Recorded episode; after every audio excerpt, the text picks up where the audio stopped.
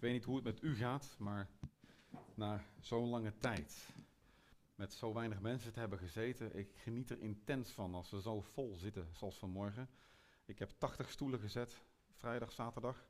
Dus u kunt zelf tellen hoeveel er, plekken er overbleven. En, en, en niet dat we elke keer moeten tellen, want er was iemand die tegen mij zei: Jij kende ook een koning die wilde weten hoeveel, hoeveel mensen er in zijn volk, in zijn, in zijn rijk waren. En dat liep niet zo goed af. Ze moeten niet op de nummertjes zitten, maar toch. Ik vind het een voorrecht om zo weer voor een volle zaal te mogen staan. Ik wil vanmorgen beginnen met een vraag. Dus ik heb een PowerPoint voor Nehemia, die mag je, uh, het voorblad mag je eraan zetten. Um, het is deel 11 trouwens, maar uh, wie telt? Um, ik wil beginnen met een vraag. Um, en dat is een beetje een gewetensvraag. Want, want waar heb je meer verdriet van? Als je favoriete sporter of sportteam verliest? Um, als Gent weer eens verliest? Ja, sorry, ze doen het niet zo goed op het moment. Of als Wout van Aert vanmiddag geen wereldkampioen wordt. Of voor mijn part Mathieu van der Poel. Of als Hamilton wel wint. In plaats van, eh, dat is altijd een nadeel als je Formule 1 volgt. Dat Hamilton altijd wint. Of Verstappen, maar goed. Anyway, wat, heb je daar, ben je daar verdrietig over? Heb je daar last van een beetje? Ik hoor een echo. Ik sta nog op de monitoren, denk ik. Misschien moet ik hem even dichtdraaien. Um, of heb je meer verdriet van nieuws dat je hoort van mensen uit een verland die vervolgd worden om hun geloof? Dat is een gewetensvraag, hè? Want als ik naar mezelf kijk, lees ik dat vaak en dan denk ik, oh, dat is erg. En ik ga weer verder. Ja, als het mee zit, dan bid ik nog even voor die mensen. Maar ik betrap me er zelf op dat ik dat ook regelmatig niet doe. Dus het is een gewetensvraag. Maar die vraag die staat hier even boven. Boven de eerste keer dat we spreken over Nehemia. En Ezra en Nehemia zijn in onze Bijbel twee boeken. Maar in de Joodse Bijbel, in de Hebreeuwse Bijbel, is het één boek. Dat hoort eigenlijk bij elkaar. Dat gaat gewoon door. Dus ik behandel dat ook als één boek. Um, ik heb voor deze preek, en ik vond het leuk, ik heb voor deze preek eens drie mensen, zo willekeurig mensen, gevraagd om het ook eens te lezen en de vragen die ze hadden eens te stellen. En dan kom je toch tot leuke en verrassende inzichten. Dus, dus denk je van, oh, dat vind ik ook wel eens leuk om te doen. Ik wil het nog wel eens meer doen. Gewoon als ik mijn voorbereiding heb gehad, dan is de vraag, van, lees dat ook eens. Welke vragen roept deze tekst op? En ik wil niet zeggen dat ik altijd alles behandel, maar het is wel een heel mooi samenspel. Van hé, hey, daar had ik nog niet aan gedacht. Oh, wat mooi dat je het zo bekijkt. Voor de mensen die niet van geschiedenis houden, die mogen even twee minuten denken: oké, dit laat ik langs me heen gaan. Maar we moeten het even plaatsen in, in, in een tijdskader. En wat was er ook weer gebeurd? In het jaar 608 voor Christus is het grootste deel van het Israëlitische volk in ballingschap gegaan. Voor Christus betekent dat het aftelt, hè? het gaat naar nul. Dus, dus in 5, moet ik het goed zeggen, in 586 heeft Nebukadnezar Jeruzalem verwoest, de tempel verwoest. Dan kom je op Jeremia en klaagliederen in de Bijbel. Dat is in die tijd geschreven. Dan is die periode, is dus de verwoesting en het land Israël bestaat feitelijk niet meer. De meeste mensen zijn weggevoerd en wonen ver weg. Dan zie je uiteindelijk dat rond het jaar 500 uh, en, en 530, 520, dat er dan een groep mensen teruggaat naar uh, Israël, naar Jeruzalem, om daar die tempel te herbouwen. Dat is het eerste stuk van Ezra, waar we al eens naar gekeken hebben. Daar gaan ze de tempel herbouwen. En in 516 is die tempel dan ook klaar. Dan duurt het nog een hele tijd. Want tot 5, 458, dus dat is zo'n zo'n 60 jaar later, dan komt Ezra een keer op het toneel.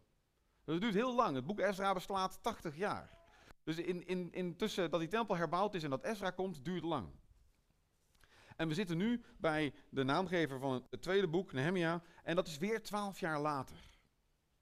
En als er één ding belangrijk is als je het hele boek doorleest, um, vooropgesteld, hè, Ezra, waarom hebben wij het gesplitst? Ezra gaat over het herbouwen van de tempel en Nehemia gaat over het herbouwen van de muren en de poorten. En, en dat alles is te betrekken op ons leven, op ons gemeente zijn. Daarom ook de titel Bouw mijn huis. Maar één ding is in Ezra superbelangrijk. Wel negen keer komt het voor. En dat is gebed. Opvallend, hè? Dat in het Oude Testament dat zo vaak voorkomt. Ik wil voorstellen dat we eerst een stuk gaan lezen. En dat staat op de beamer. Maar het is nog beter als je je eigen Bijbel bij je hebt en het daarin leest. Um, maar goed, oei, die letters zijn wat kleiner overgekomen dan ik ze op mijn eigen scherm had. Volgende keer even naar kijken dat het uh, ietsje groter wordt. Want nu heb je bijna een loop nodig om het te lezen, volgens mij. er wordt al gesleuteld aan de tekst. Ik ga gewoon lezen. Het verslag van Nehemia, de zoon van In de maand Kislev van het twintigste jaar, toen ik mij in de burcht van Susa bevond, kwam een van mijn broers, Kanani, met een aantal mannen vanuit Juda naar me toe. Ik vroeg hun hoe het de Joden verging die waren overgebleven en de ballingschap hadden overleefd en informeerde, en informeerde naar de toestand in Jeruzalem. Ze vertelden me dit. Het gaat heel slecht met de mensen die de ballingschap hebben overleefd en die nu in provincie Juda wonen. Ze zijn er het mikpunt van spot, want de muur van Jeruzalem is afgebroken en de poorten zijn in vlammen opgegaan. Toen ik deze woorden hoorde, ging ik huilend op de grond zitten. Ik rouwde dagenlang, ik vastte en riep de God van de hemel aan. Ik bad, ach Heer, God van de hemel, machtige en ontzagwekkende God, u die uw belofte nakomt en trouw bent aan een ieder die u liefhebt en die doet wat u gebiedt. Luister aandachtig en zie hoe uw dienaar dag en nacht tot u bidt ten behoeve van uw dienaren, de Israëlieten. Ik beleid de zonde die wij, Israëlieten, tegenover u hebben begaan. Ook ik en mijn familie, wij hebben u veel kwaad gedaan.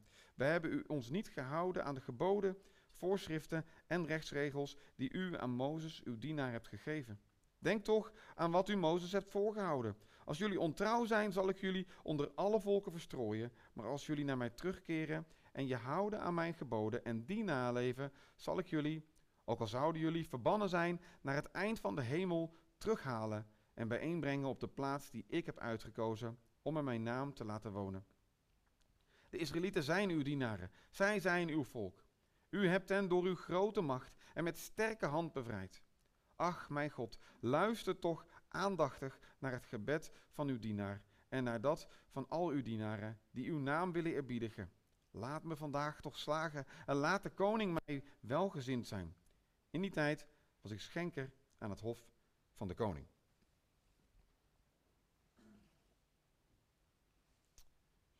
Wie is dat, Nehemia? We komen hem tegen. We weten nu twee dingen. We weten zijn naam en we weten zijn beroep. Nehemia betekent God vertroost. Er wordt een godsnaam gebruikt. Dus Yahweh, de ik ben die ik ben, vertroost. Als je bedenkt dat het al een hele tijd na de eerste groep die in ballingschap is vertrokken uh, gebeurt, dat hij al zeker daar niet in Jeruzalem geboren zal zijn, maar dat hij later in Babylon in gevangenschap geboren is en zijn ouders geven hem deze naam. God vertroost. Blijkbaar was het nodig. Hadden ze het nodig om elkaar te bemoedigen en te zeggen: God vertroost. Een geboorte van een kind is het feit dat God ons troost geeft. Is dat er toekomst is voor ons volk. Dus, dus die naam is niet zomaar een naam, maar die naam is met recht en bewust gegeven. En hij is schenker. Uh, Paulus noemde het al even, de, Jozef, bij Jozef kom je het ook tegen. Hè? De, de schenker en de bakker, die kom je daar ook tegen. Dat is niet zomaar iemand die even de wijn inschenkt en klaar is, Kees. Nee, dat is een, een hele belangrijke functie. Je was een schenker, eigenlijk is het de bekerdrager. En als bekerdrager was je verantwoordelijk om dat te proeven wat de koning zou eten of drinken. Want stel je voor dat er een boosaardig iemand de koning zou willen vergiftigen, dan was jij er eerst aan voordat de koning daar een slok van had genomen. Zo simpel is het. Dus het was wel een hele belangrijke functie. Dat, misschien denk je van ja, dat is ook lekker, dan moet jij dat proeven en dan ga jij misschien dood. Maar dat betekent, betekent een paar dingen. Eén, de koning moet ontzettend veel vertrouwen hebben gehad in Nehemia, in die schenker.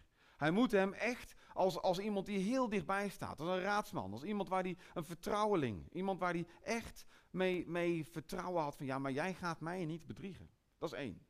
En ten tweede, Nehemia had mensen onder zich die, die, hij moest natuurlijk zorgen voor de juiste aanvoer. De mensen die hij, die hij aanstuurde, die de wijn brachten, die van het veld af de wijn maakten en dat richting het koninklijke paleis brachten. Het eten wat werd klaargemaakt tot in de keuken aan toe. Al die mensen moest hij weten, ik vertrouw die mensen. Die zullen de koning niet vergiftigen. Hij heeft een belangrijke functie. En tegelijkertijd zie je ook dat hij. Even kijken waar mijn water is. Tegelijkertijd zie je ook dat Nehemia zich in een positie bevindt. En misschien was dat helemaal niet zijn plan. Misschien was het helemaal niet zijn plan om deze job te krijgen, maar in die tijd had je vaak geen keus. De toplagen van de overwonnen volken, die werden dan uiteindelijk, de kinderen daarvan werden dan geschoold, zodat ze zowel dat van hun eigen volk kenden, hè, want die, die hadden uiteindelijk eh, onderwijs gehad, en dat ze onderwijs kregen in het nieuwe land, zodat je van twee werelden het beste had en ze uiteindelijk maximaal kon benutten voor dat nieuwe koninkrijk.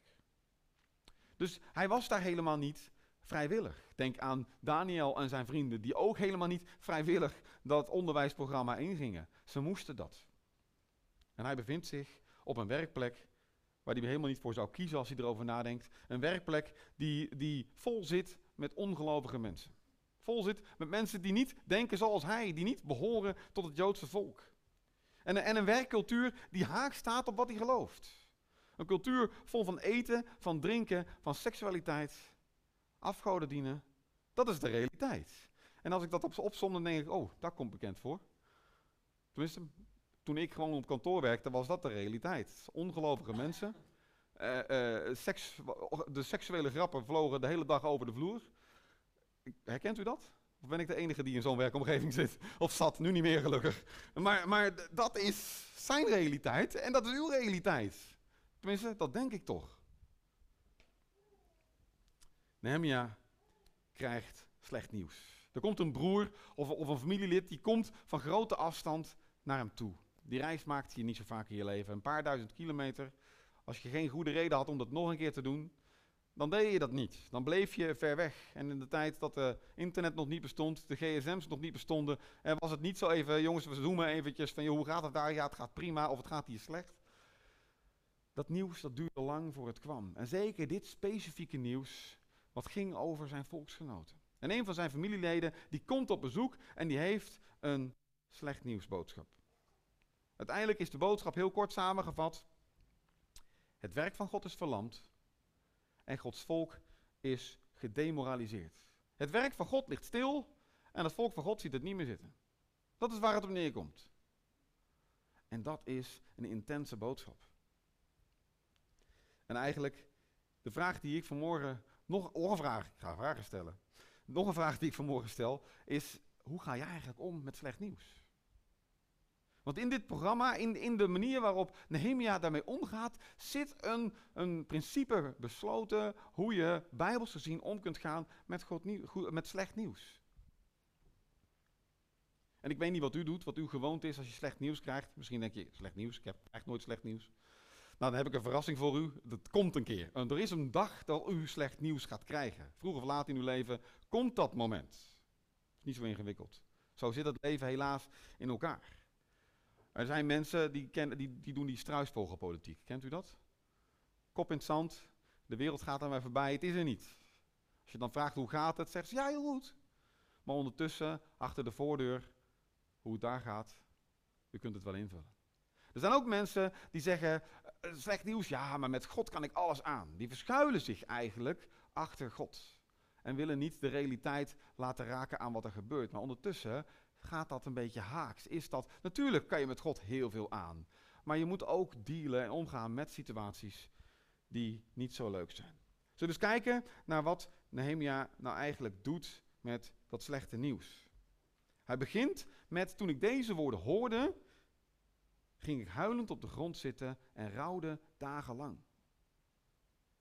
Interessant, niet? Hij neemt de tijd om zijn emoties de ruimte te geven. Hij gaat op de grond zitten, gaat zitten wenen en, en, en hij blijft dagenlang zitten en bedrijft de rouw. En dan kun je wel zeggen, ja, dat is cultuur en wij mannen huilen niet. Ja, dat klopt, ik huil ook niet zo snel. Maar toch, die emotie is bijbels gezien heel logisch om te laten gaan. Laat die emotie gaan. Die eerste emotie is belangrijk. Om dat op te luchten, om de lucht te klaren. Vervolgens doet hij nog iets. Hij gaat vasten. En het vasten is in dit geval het Bijbelse vasten, het laten staan van je eten en of je drinken.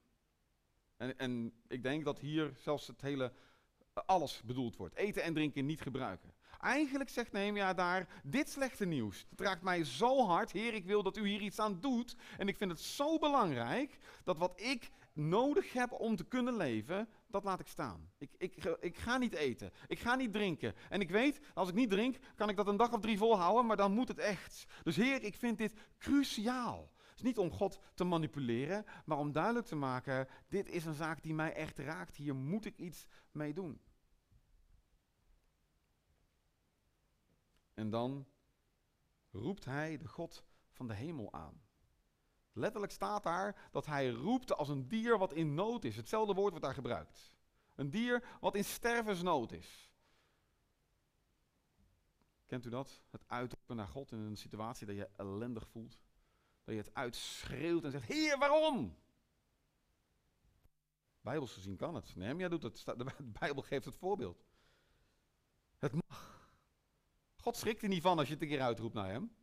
God vindt het alleen maar fijn dat je laat zien wat er echt in je leeft. En dan pas begint hij te bidden. Dus hij begint eerst met rouwen. Hij laat de emotie gaan. Hij, hij gaat vasten. Hij, hij, geeft aan van Heer, ik vind dit superbelangrijk. Wat, wat mijn lichaam nodig heeft, laat ik staan, want dit vind ik belangrijker. Hij roept het uit naar God. En dan pas begint hij te bidden. Ik weet niet hoe het met u gaat. Maar of, als we slecht nieuws krijgen, hebben we de reflex van laten we er meteen voor bidden. Wat ik op zich een hele goede reflex vind, laat ik eerlijk zijn. Laten we ervoor bidden. Maar hoe vaak is het niet zo dat we slecht nieuws krijgen en dat we dat bidden helemaal vergeten? Dat we eigenlijk verder gaan en denken, na verloop van tijd, we hebben er helemaal niet voor gebeden. Waarom eigenlijk niet? Ik, het is niet dat ik, dat ik jullie zeg van jullie doen het niet goed, want ik doe het net zo goed. Hè? Dat is eigen ervaring. En dat gebed van Nehemia, daar zitten ook een paar hele krachtige en prachtige onderdelen in. Hij begint met God erkennen. Als je de gebedslijst bekijkt, is dat een deel wat we ook bewust voor kiezen om te doen. Het eerste deel is God aanbidden. Daar gebruiken we een Bijbeltekst bij die uiteindelijk wijst naar God. Die uiteindelijk reden geeft om God groot te maken. Om hem te erkennen om wie hij is. En Nehemia gebruikt hier, hij begint met ach Heer. Hij gebruikt daar opnieuw die Godsnaam. Hij zegt ach Heer, u die bent, die altijd is, u de altijd zijnde. U, u bent wat ik nodig heb. De ik ben. U bent de God van de hemel. U bent een machtige en ontzagwekkende God. U die uw belofte nakomt, u bent trouw, u bent liefhebbend en u doet wat u zegt. Wat een krachtige opening van een gebed is dat, of niet? En als, als wij beginnen met bidden, dan hebben we ons lijstje klaar.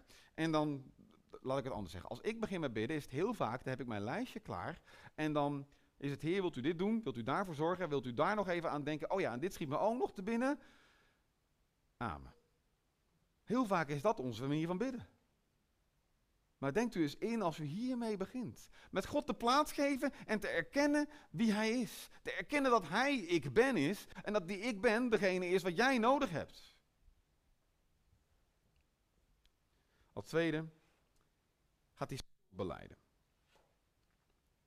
En ik, ik, wil even niet ingaan op het schuldbeleiden voor de zonde van een ander. Dat is een beetje ingewikkeld. Daar mag je me vragen over stellen. Daar heb ik wel gedachten over. Maar dat is niet plek voor een, preek, een moment in de preek als dit. Maar toch, schuldbeleiden.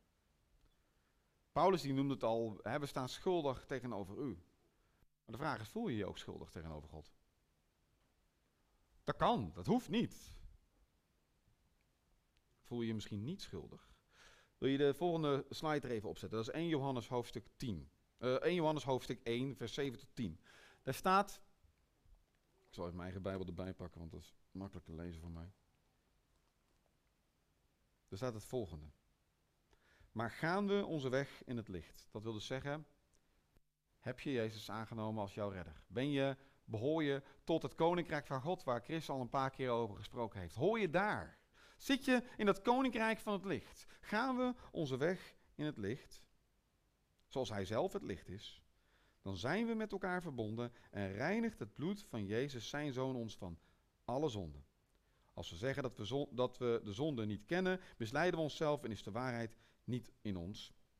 En ja, heb ik die er nog bij staan? De ja, vers 9 staat er nog bij, natuurlijk. Beleiden we onze zonde, dan zal Hij, die trouw en rechtvaardig is, ons onze zonde vergeven en ons reinigen van alle kwaad. Als we zeggen dat we nooit gezondigd hebben, maken we hem tot een leugenaar en is zijn woord niet in ons. Sorry zeggen is best wel lastig, hè? Als je iets verkeerd gedaan hebt, iemand kwaad gedaan hebt, iemand pijn gedaan hebt, en dan naar die persoon toe gaan en zeggen: sorry, ik heb het niet goed gedaan. Ik heb het verknald. Ik had het anders moeten doen. Dat vinden we al niet zo makkelijk, hè? Dat is een deel van schuldbeleiden. Maar schuldbeleiden is meer dan dat.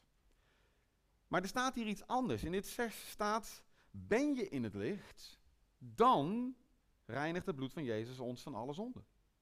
Dus als je in het licht bent, dan ben je gereinigd. Zelfs zonder je schuld te beleiden. zegt hij nou dan? Zonder je schuld te beleiden, ben je gereinigd van alle zonden door het bloed van Jezus. Maar Johannes laat het daar niet bij. Hè? Johannes zegt als we zeggen dat we geen zonde hebben, als we zeggen dat we nooit iets fout doen, als we zeggen dat we nooit schuldig zijn tegenover God, dan liegen we, dan bedriegen we onszelf. Het is een wisselwerking, het is een twee kanten. Het is een evenwichtsbalk soms. Niet het beleiden van je zonde, en dat mag de volgende slide, daar staat hij bij. En wat niet het beleiden van je zonde maakt je vrij van zonde, maar het geloof dat je zult zijn zoals Jezus maakt je vrij. Het geloof dat Jezus zich heeft gegeven voor jou. Weet je, dat, dat, dat vers staat er wel als wij onze zonde beleiden. Beleiden heeft een plaats, maar wat is dat dan dat beleiden? Wat doet Nehemia hier? Hij erkent, eigenlijk zegt hij, ik kijk naar de zonde zoals u dat doet, God. Ik erken de zonde op dezelfde manier zoals u dat erkent. Dat is wat je doet met beleiden. Dat is wat je doet met schuldbeleiden. Laten zien, zeggen dat je op hetzelfde niveau staat naar het kijken van de zonde als dat God het doet. En in dit vers, daar staat dan ieder die dit, dat slaat dan op, op het kind zijn van wat er eerder in 1 Johannes 3 staat, het kind van God zijn. Ieder die dit vol vertrouwen van hem verwacht, dat je een kind van God mag zijn, maakt zich rein zoals ook Jezus rein is. Het zit er dus niet in dat je die schuld moet beleiden, maar het heeft wel een functie. En wat is die functie dan? Kijk, als wij, ons, als wij schuldbeleiden nodig zouden hebben om vergeving van zonde te krijgen, dan wordt genade voorwaardelijk. Dan is de genade niet meer onvoorwaardelijk zoals God, dat, zoals God dat wil geven, zoals de Bijbel dat leert. Genade is een gift die vrij is. Dus de genade, als je in het licht bent, als je bij het koninkrijk van God hoort, dan ben je gereinigd van de zonde. Dat is één, dat is de status waarin je bent. En toch zegt ook Johannes in dezelfde verse dat schuldbeleiden en je zondebeleiden een plaats heeft. En dat is precies wat Nehemia hier ook doet. Als je je zonde beleidt, als je beleidt van Heer, ik heb dit fout gedaan. Heer, ik ben hiermee bezig geweest. Dat is niet waar, zoals u ernaar kijkt. Heer, ik ben op dit terrein fout gegaan. Ik ben hier een misstap gegaan. Maar dat is hoe de Bijbel zonde benoemt. Hoe God naar zonde kijkt. Maar het mag ruimte geven. Als je steeds denkt, ik ben schuldig tegenover God, dan mag je weten, je bent rein verklaard. Omdat je in het koninkrijk van het licht bent. En misschien ga jij te veel fluitend en, en denk je van ja, maar ik ben toch rein. Nou, dan is misschien het moment dat God even laat zien vanmorgen, ja, dat is misschien wel waar, maar dat moet je nog beleiden. En daar moet je nog aan werken. Dat is nog iets wat even aan het licht moet komen. Het is beide kanten die belangrijk zijn om te benutten. Je mag hem uh, op de volgende slide zetten. Wat Nehemia verder doet in zijn gebed, want we gaan terug naar Nehemia, is de belofte van God herhalen. Nehemia's gebed zit vol met beloften van God. U heeft uw dienaar Mozes beloofd.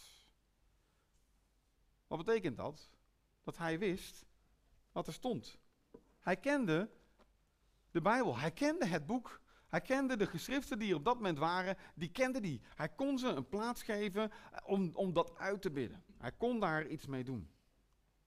En als jij denkt van ik mis een beetje kracht in mijn gebed soms, het is soms zo doods, begin dan met het uitbidden van die beloften van God.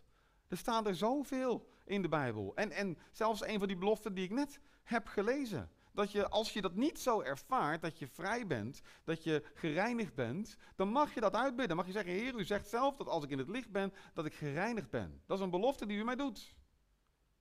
Dank u wel daarvoor. Als je wil dat er iets gebeurt in je gebed, dan moet je die Bijbelse belofte bidden. En eigenlijk, wat Nehemia doet, is dat hij twee keer in dit gebed pleit op Gods genade. En we hebben het over het Oude Testament, waar de wet de maatstaf is. Als je de wet houdt, hij zegt het zelf, als we de wet niet houden, dan worden we verstrooid. Maar als we weer doen wat u zegt, dan zult u ons weer verzamelen. En toch zegt hij, maar Heer, wees genadig. Ach Heer, luister toch aandachtig. En hij, hij, hij sluit dan af met: Laat mij vandaag toch slagen. En dan zou je denken dat het laatste vers en het eerste vers van het volgende hoofdstuk direct op elkaar aansluiten, maar dat is niet zo. Laat mij vandaag toch slagen is een vorm van bereid zijn. Ik ben bereid om te doen wat u van mij vraagt. Bereidwillig. In het Engels hebben we zo'n gebed, of zo'n zo'n liedje, hè? Take my life and let it be. Maar soms denken we wel eens, take my wife and let me be. Neem mijn leven en laat het zijn, nou ja, neemt u mijn vrouw maar, maar laat mij maar met rust. Maar hier zegt hij, ik ben bereid. Tussen hoofdstuk 1, wat plaatsvindt in november, december, en hoofdstuk 2 zit een aantal maanden. Dat vindt plaats in maart, april, in die periode. Het is het eerste wat hij noemt, hè? De, de maanden worden gewoon genoemd. Er zit een enorm gat tussen. Het is niet zo dat het ineens vanzelf uh, doorgaat en zegt: Laat mij vandaag maar slagen. En dan gaat naar de koning en het is succesvol. Helemaal niet. Ik denk dat, dat Nehemia maandenlang hiermee geworsteld heeft. En maandenlang hier, hiervoor gebeden heeft. En misschien wel mensen bij zich verzameld heeft. En zegt: Laten we er samen voor bidden. Laten we hier werk van maken. Want dit is echt erg wat hier gebeurt. En, en ik wil dat God hier iets mee doet. Ik wil, we willen dat God hier een keer in brengt. Want alleen Hij kan dat het is zo, en daar komen we de volgende keer op, is, het is zo zelfs dat hij na die, wat is het, vier, vijf maanden, als hij dan bij de koning is, dat zijn gezicht nog somber staat. Zoveel impact heeft dat op zijn leven, dat, dat hij niet kan blijven lachen in het bijzijn van de koning. Hij kan niet de schijn ophouden. Hij is degene die uiteindelijk de koning vraagt van wat is er aan de hand. Daar kijken we de volgende keer naar. Maar heel vaak in ons geval als wij bidden, zeggen we, Heer, ik heb hier oploskoffie. Als u er een beetje water bij doet, dan roer ik wel, dan is het klaar. Ja, toch? Heel vaak willen we het zo. Of we hebben een machine staan, we gooien er een muntje in en we krijgen wat we hebben willen. Want dat is het gebed. We moeten nu een muntje erin doen en dan krijgen we het direct. Nehemia moest vier, vijf maanden wachten. En dan krijgt hij nog een antwoord op een manier waarop hij niet denkt. Hij zal steeds hebben gebeden. Maar wat mij heel sterk trof, is dat Nehemia we hebben ernaar gekeken in het begin. Hij heeft een drukke en een verantwoordelijke baan. Hij is notabene vertrouweling van de koning. Hij is, nou ja, als zo iemand bij ons zou zijn, een vertrouweling van de koning, ook al zou die dan misschien in een situatie zitten dat je wat dubieus kunt noemen, zouden we toch wel, nou ja, toch wel een beetje de man vinden. Hè? Als je hem een hand hebt gegeven, heb je de koning een hand gegeven. Dat is toch maar twee stappen verwijderd. Dat zou toch wel tof zijn, zo iemand. Dan zouden we toch wel een plaats geven. Maar hij laat zijn verantwoordelijkheden, hij laat zijn job, hij laat zijn, zijn, zijn situatie geen enkel moment van invloed zijn om niet met de dingen van God bezig te zijn. Hij neemt de tijd, hij neemt echt de tijd voor rouwen, voor vasten, voor bidden. Hij geeft geen excuus van ik heb het te druk. Van heer, ik heb geen tijd. Ik moet de koning voorzien van zijn eten. Ik heb zo'n verantwoordelijke baan. Ik heb geen tijd voor de bidstond. Ik heb geen tijd voor een bijbelstudie. Ik heb geen tijd voor de huisging. Ik heb geen tijd voor de samenkomst. Ik ben even scherp. Maar dat is wat hij doet. Hij zegt, hoewel ik een verantwoordelijke baan heb, dit is belangrijker.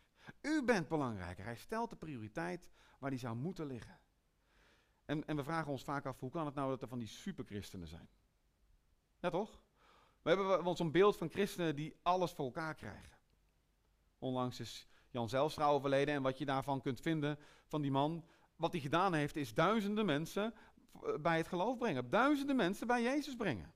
Dat is wat hij gedaan heeft. En dan zijn we toch wel een beetje jaloers. Zijn van die christenen, als ze evangeliseren, dan gebeurt er van alles. En als wij doen, dan staan we met onze mond vol tanden en dan, dan, dan lukt er niks. Hoe kan het dat er zo'n verschil is? Ik denk dat het verschil hier zit. Het verschil zit in waar leg jij de prioriteit? Waar verschuil jij je achter? Dat is de vraag. En, en diezelfde vraag zullen de Israëlieten zich misschien ook gesteld hebben. Want in het boek Nehemia is Nehemia degene die in een recordtijd die stad weer opbouwt, die muren dicht en die poorten erin hangt. En dat is in die tientallen jaren daarvoor niet gebeurd. Hoe is het mogelijk dat hij dat voor elkaar krijgt en een ander niet? Eén, natuurlijk zit God daarbij. Natuurlijk is God daar degene die hem kracht geeft, die hem wijsheid geeft en inzicht geeft, de timing heeft. Maar het begint bij, laat mij vandaag toch slagen. Laat mij, ik ben bereid om te doen wat u van mij vraagt. Ik ben benieuwd waar de reis door Nehemia ons verder neemt. Ik heb echt wel ideeën, maar nog lang niet alles. En, ehm, en ik hoop dat u die reis samen wil maken, want het is best wel intens, ook vanmorgen. Ik wil een moment nemen om even stil te zijn. Ehm, en dan zal ik afsluiten met gebed.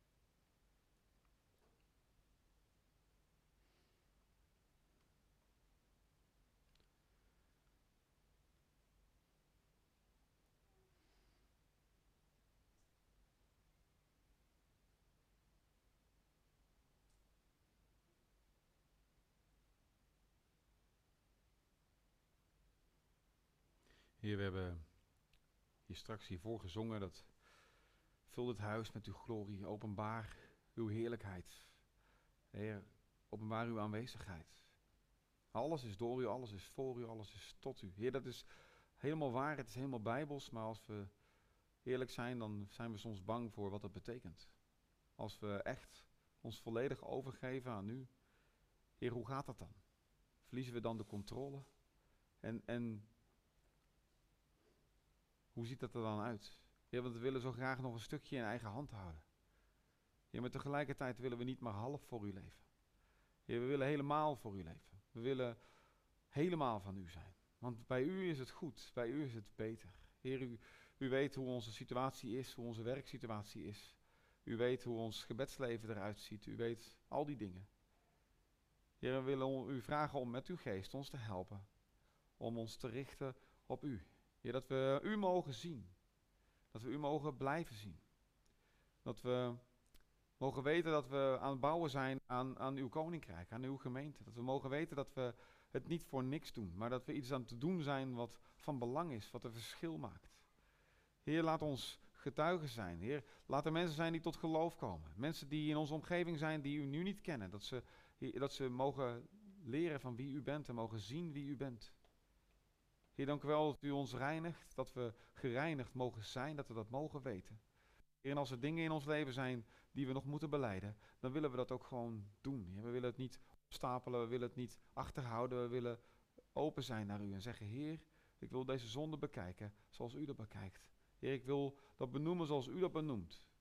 Wilt u ons reinigen? Wilt u ons vrijmaken van de zonde? Heer, en wilt u ons helpen om op u gefocust te zijn in het midden van het leven, te midden van alle omstandigheden. Heer, wilt u zo bij ons zijn en ons zegenen in Jezus' machtige naam.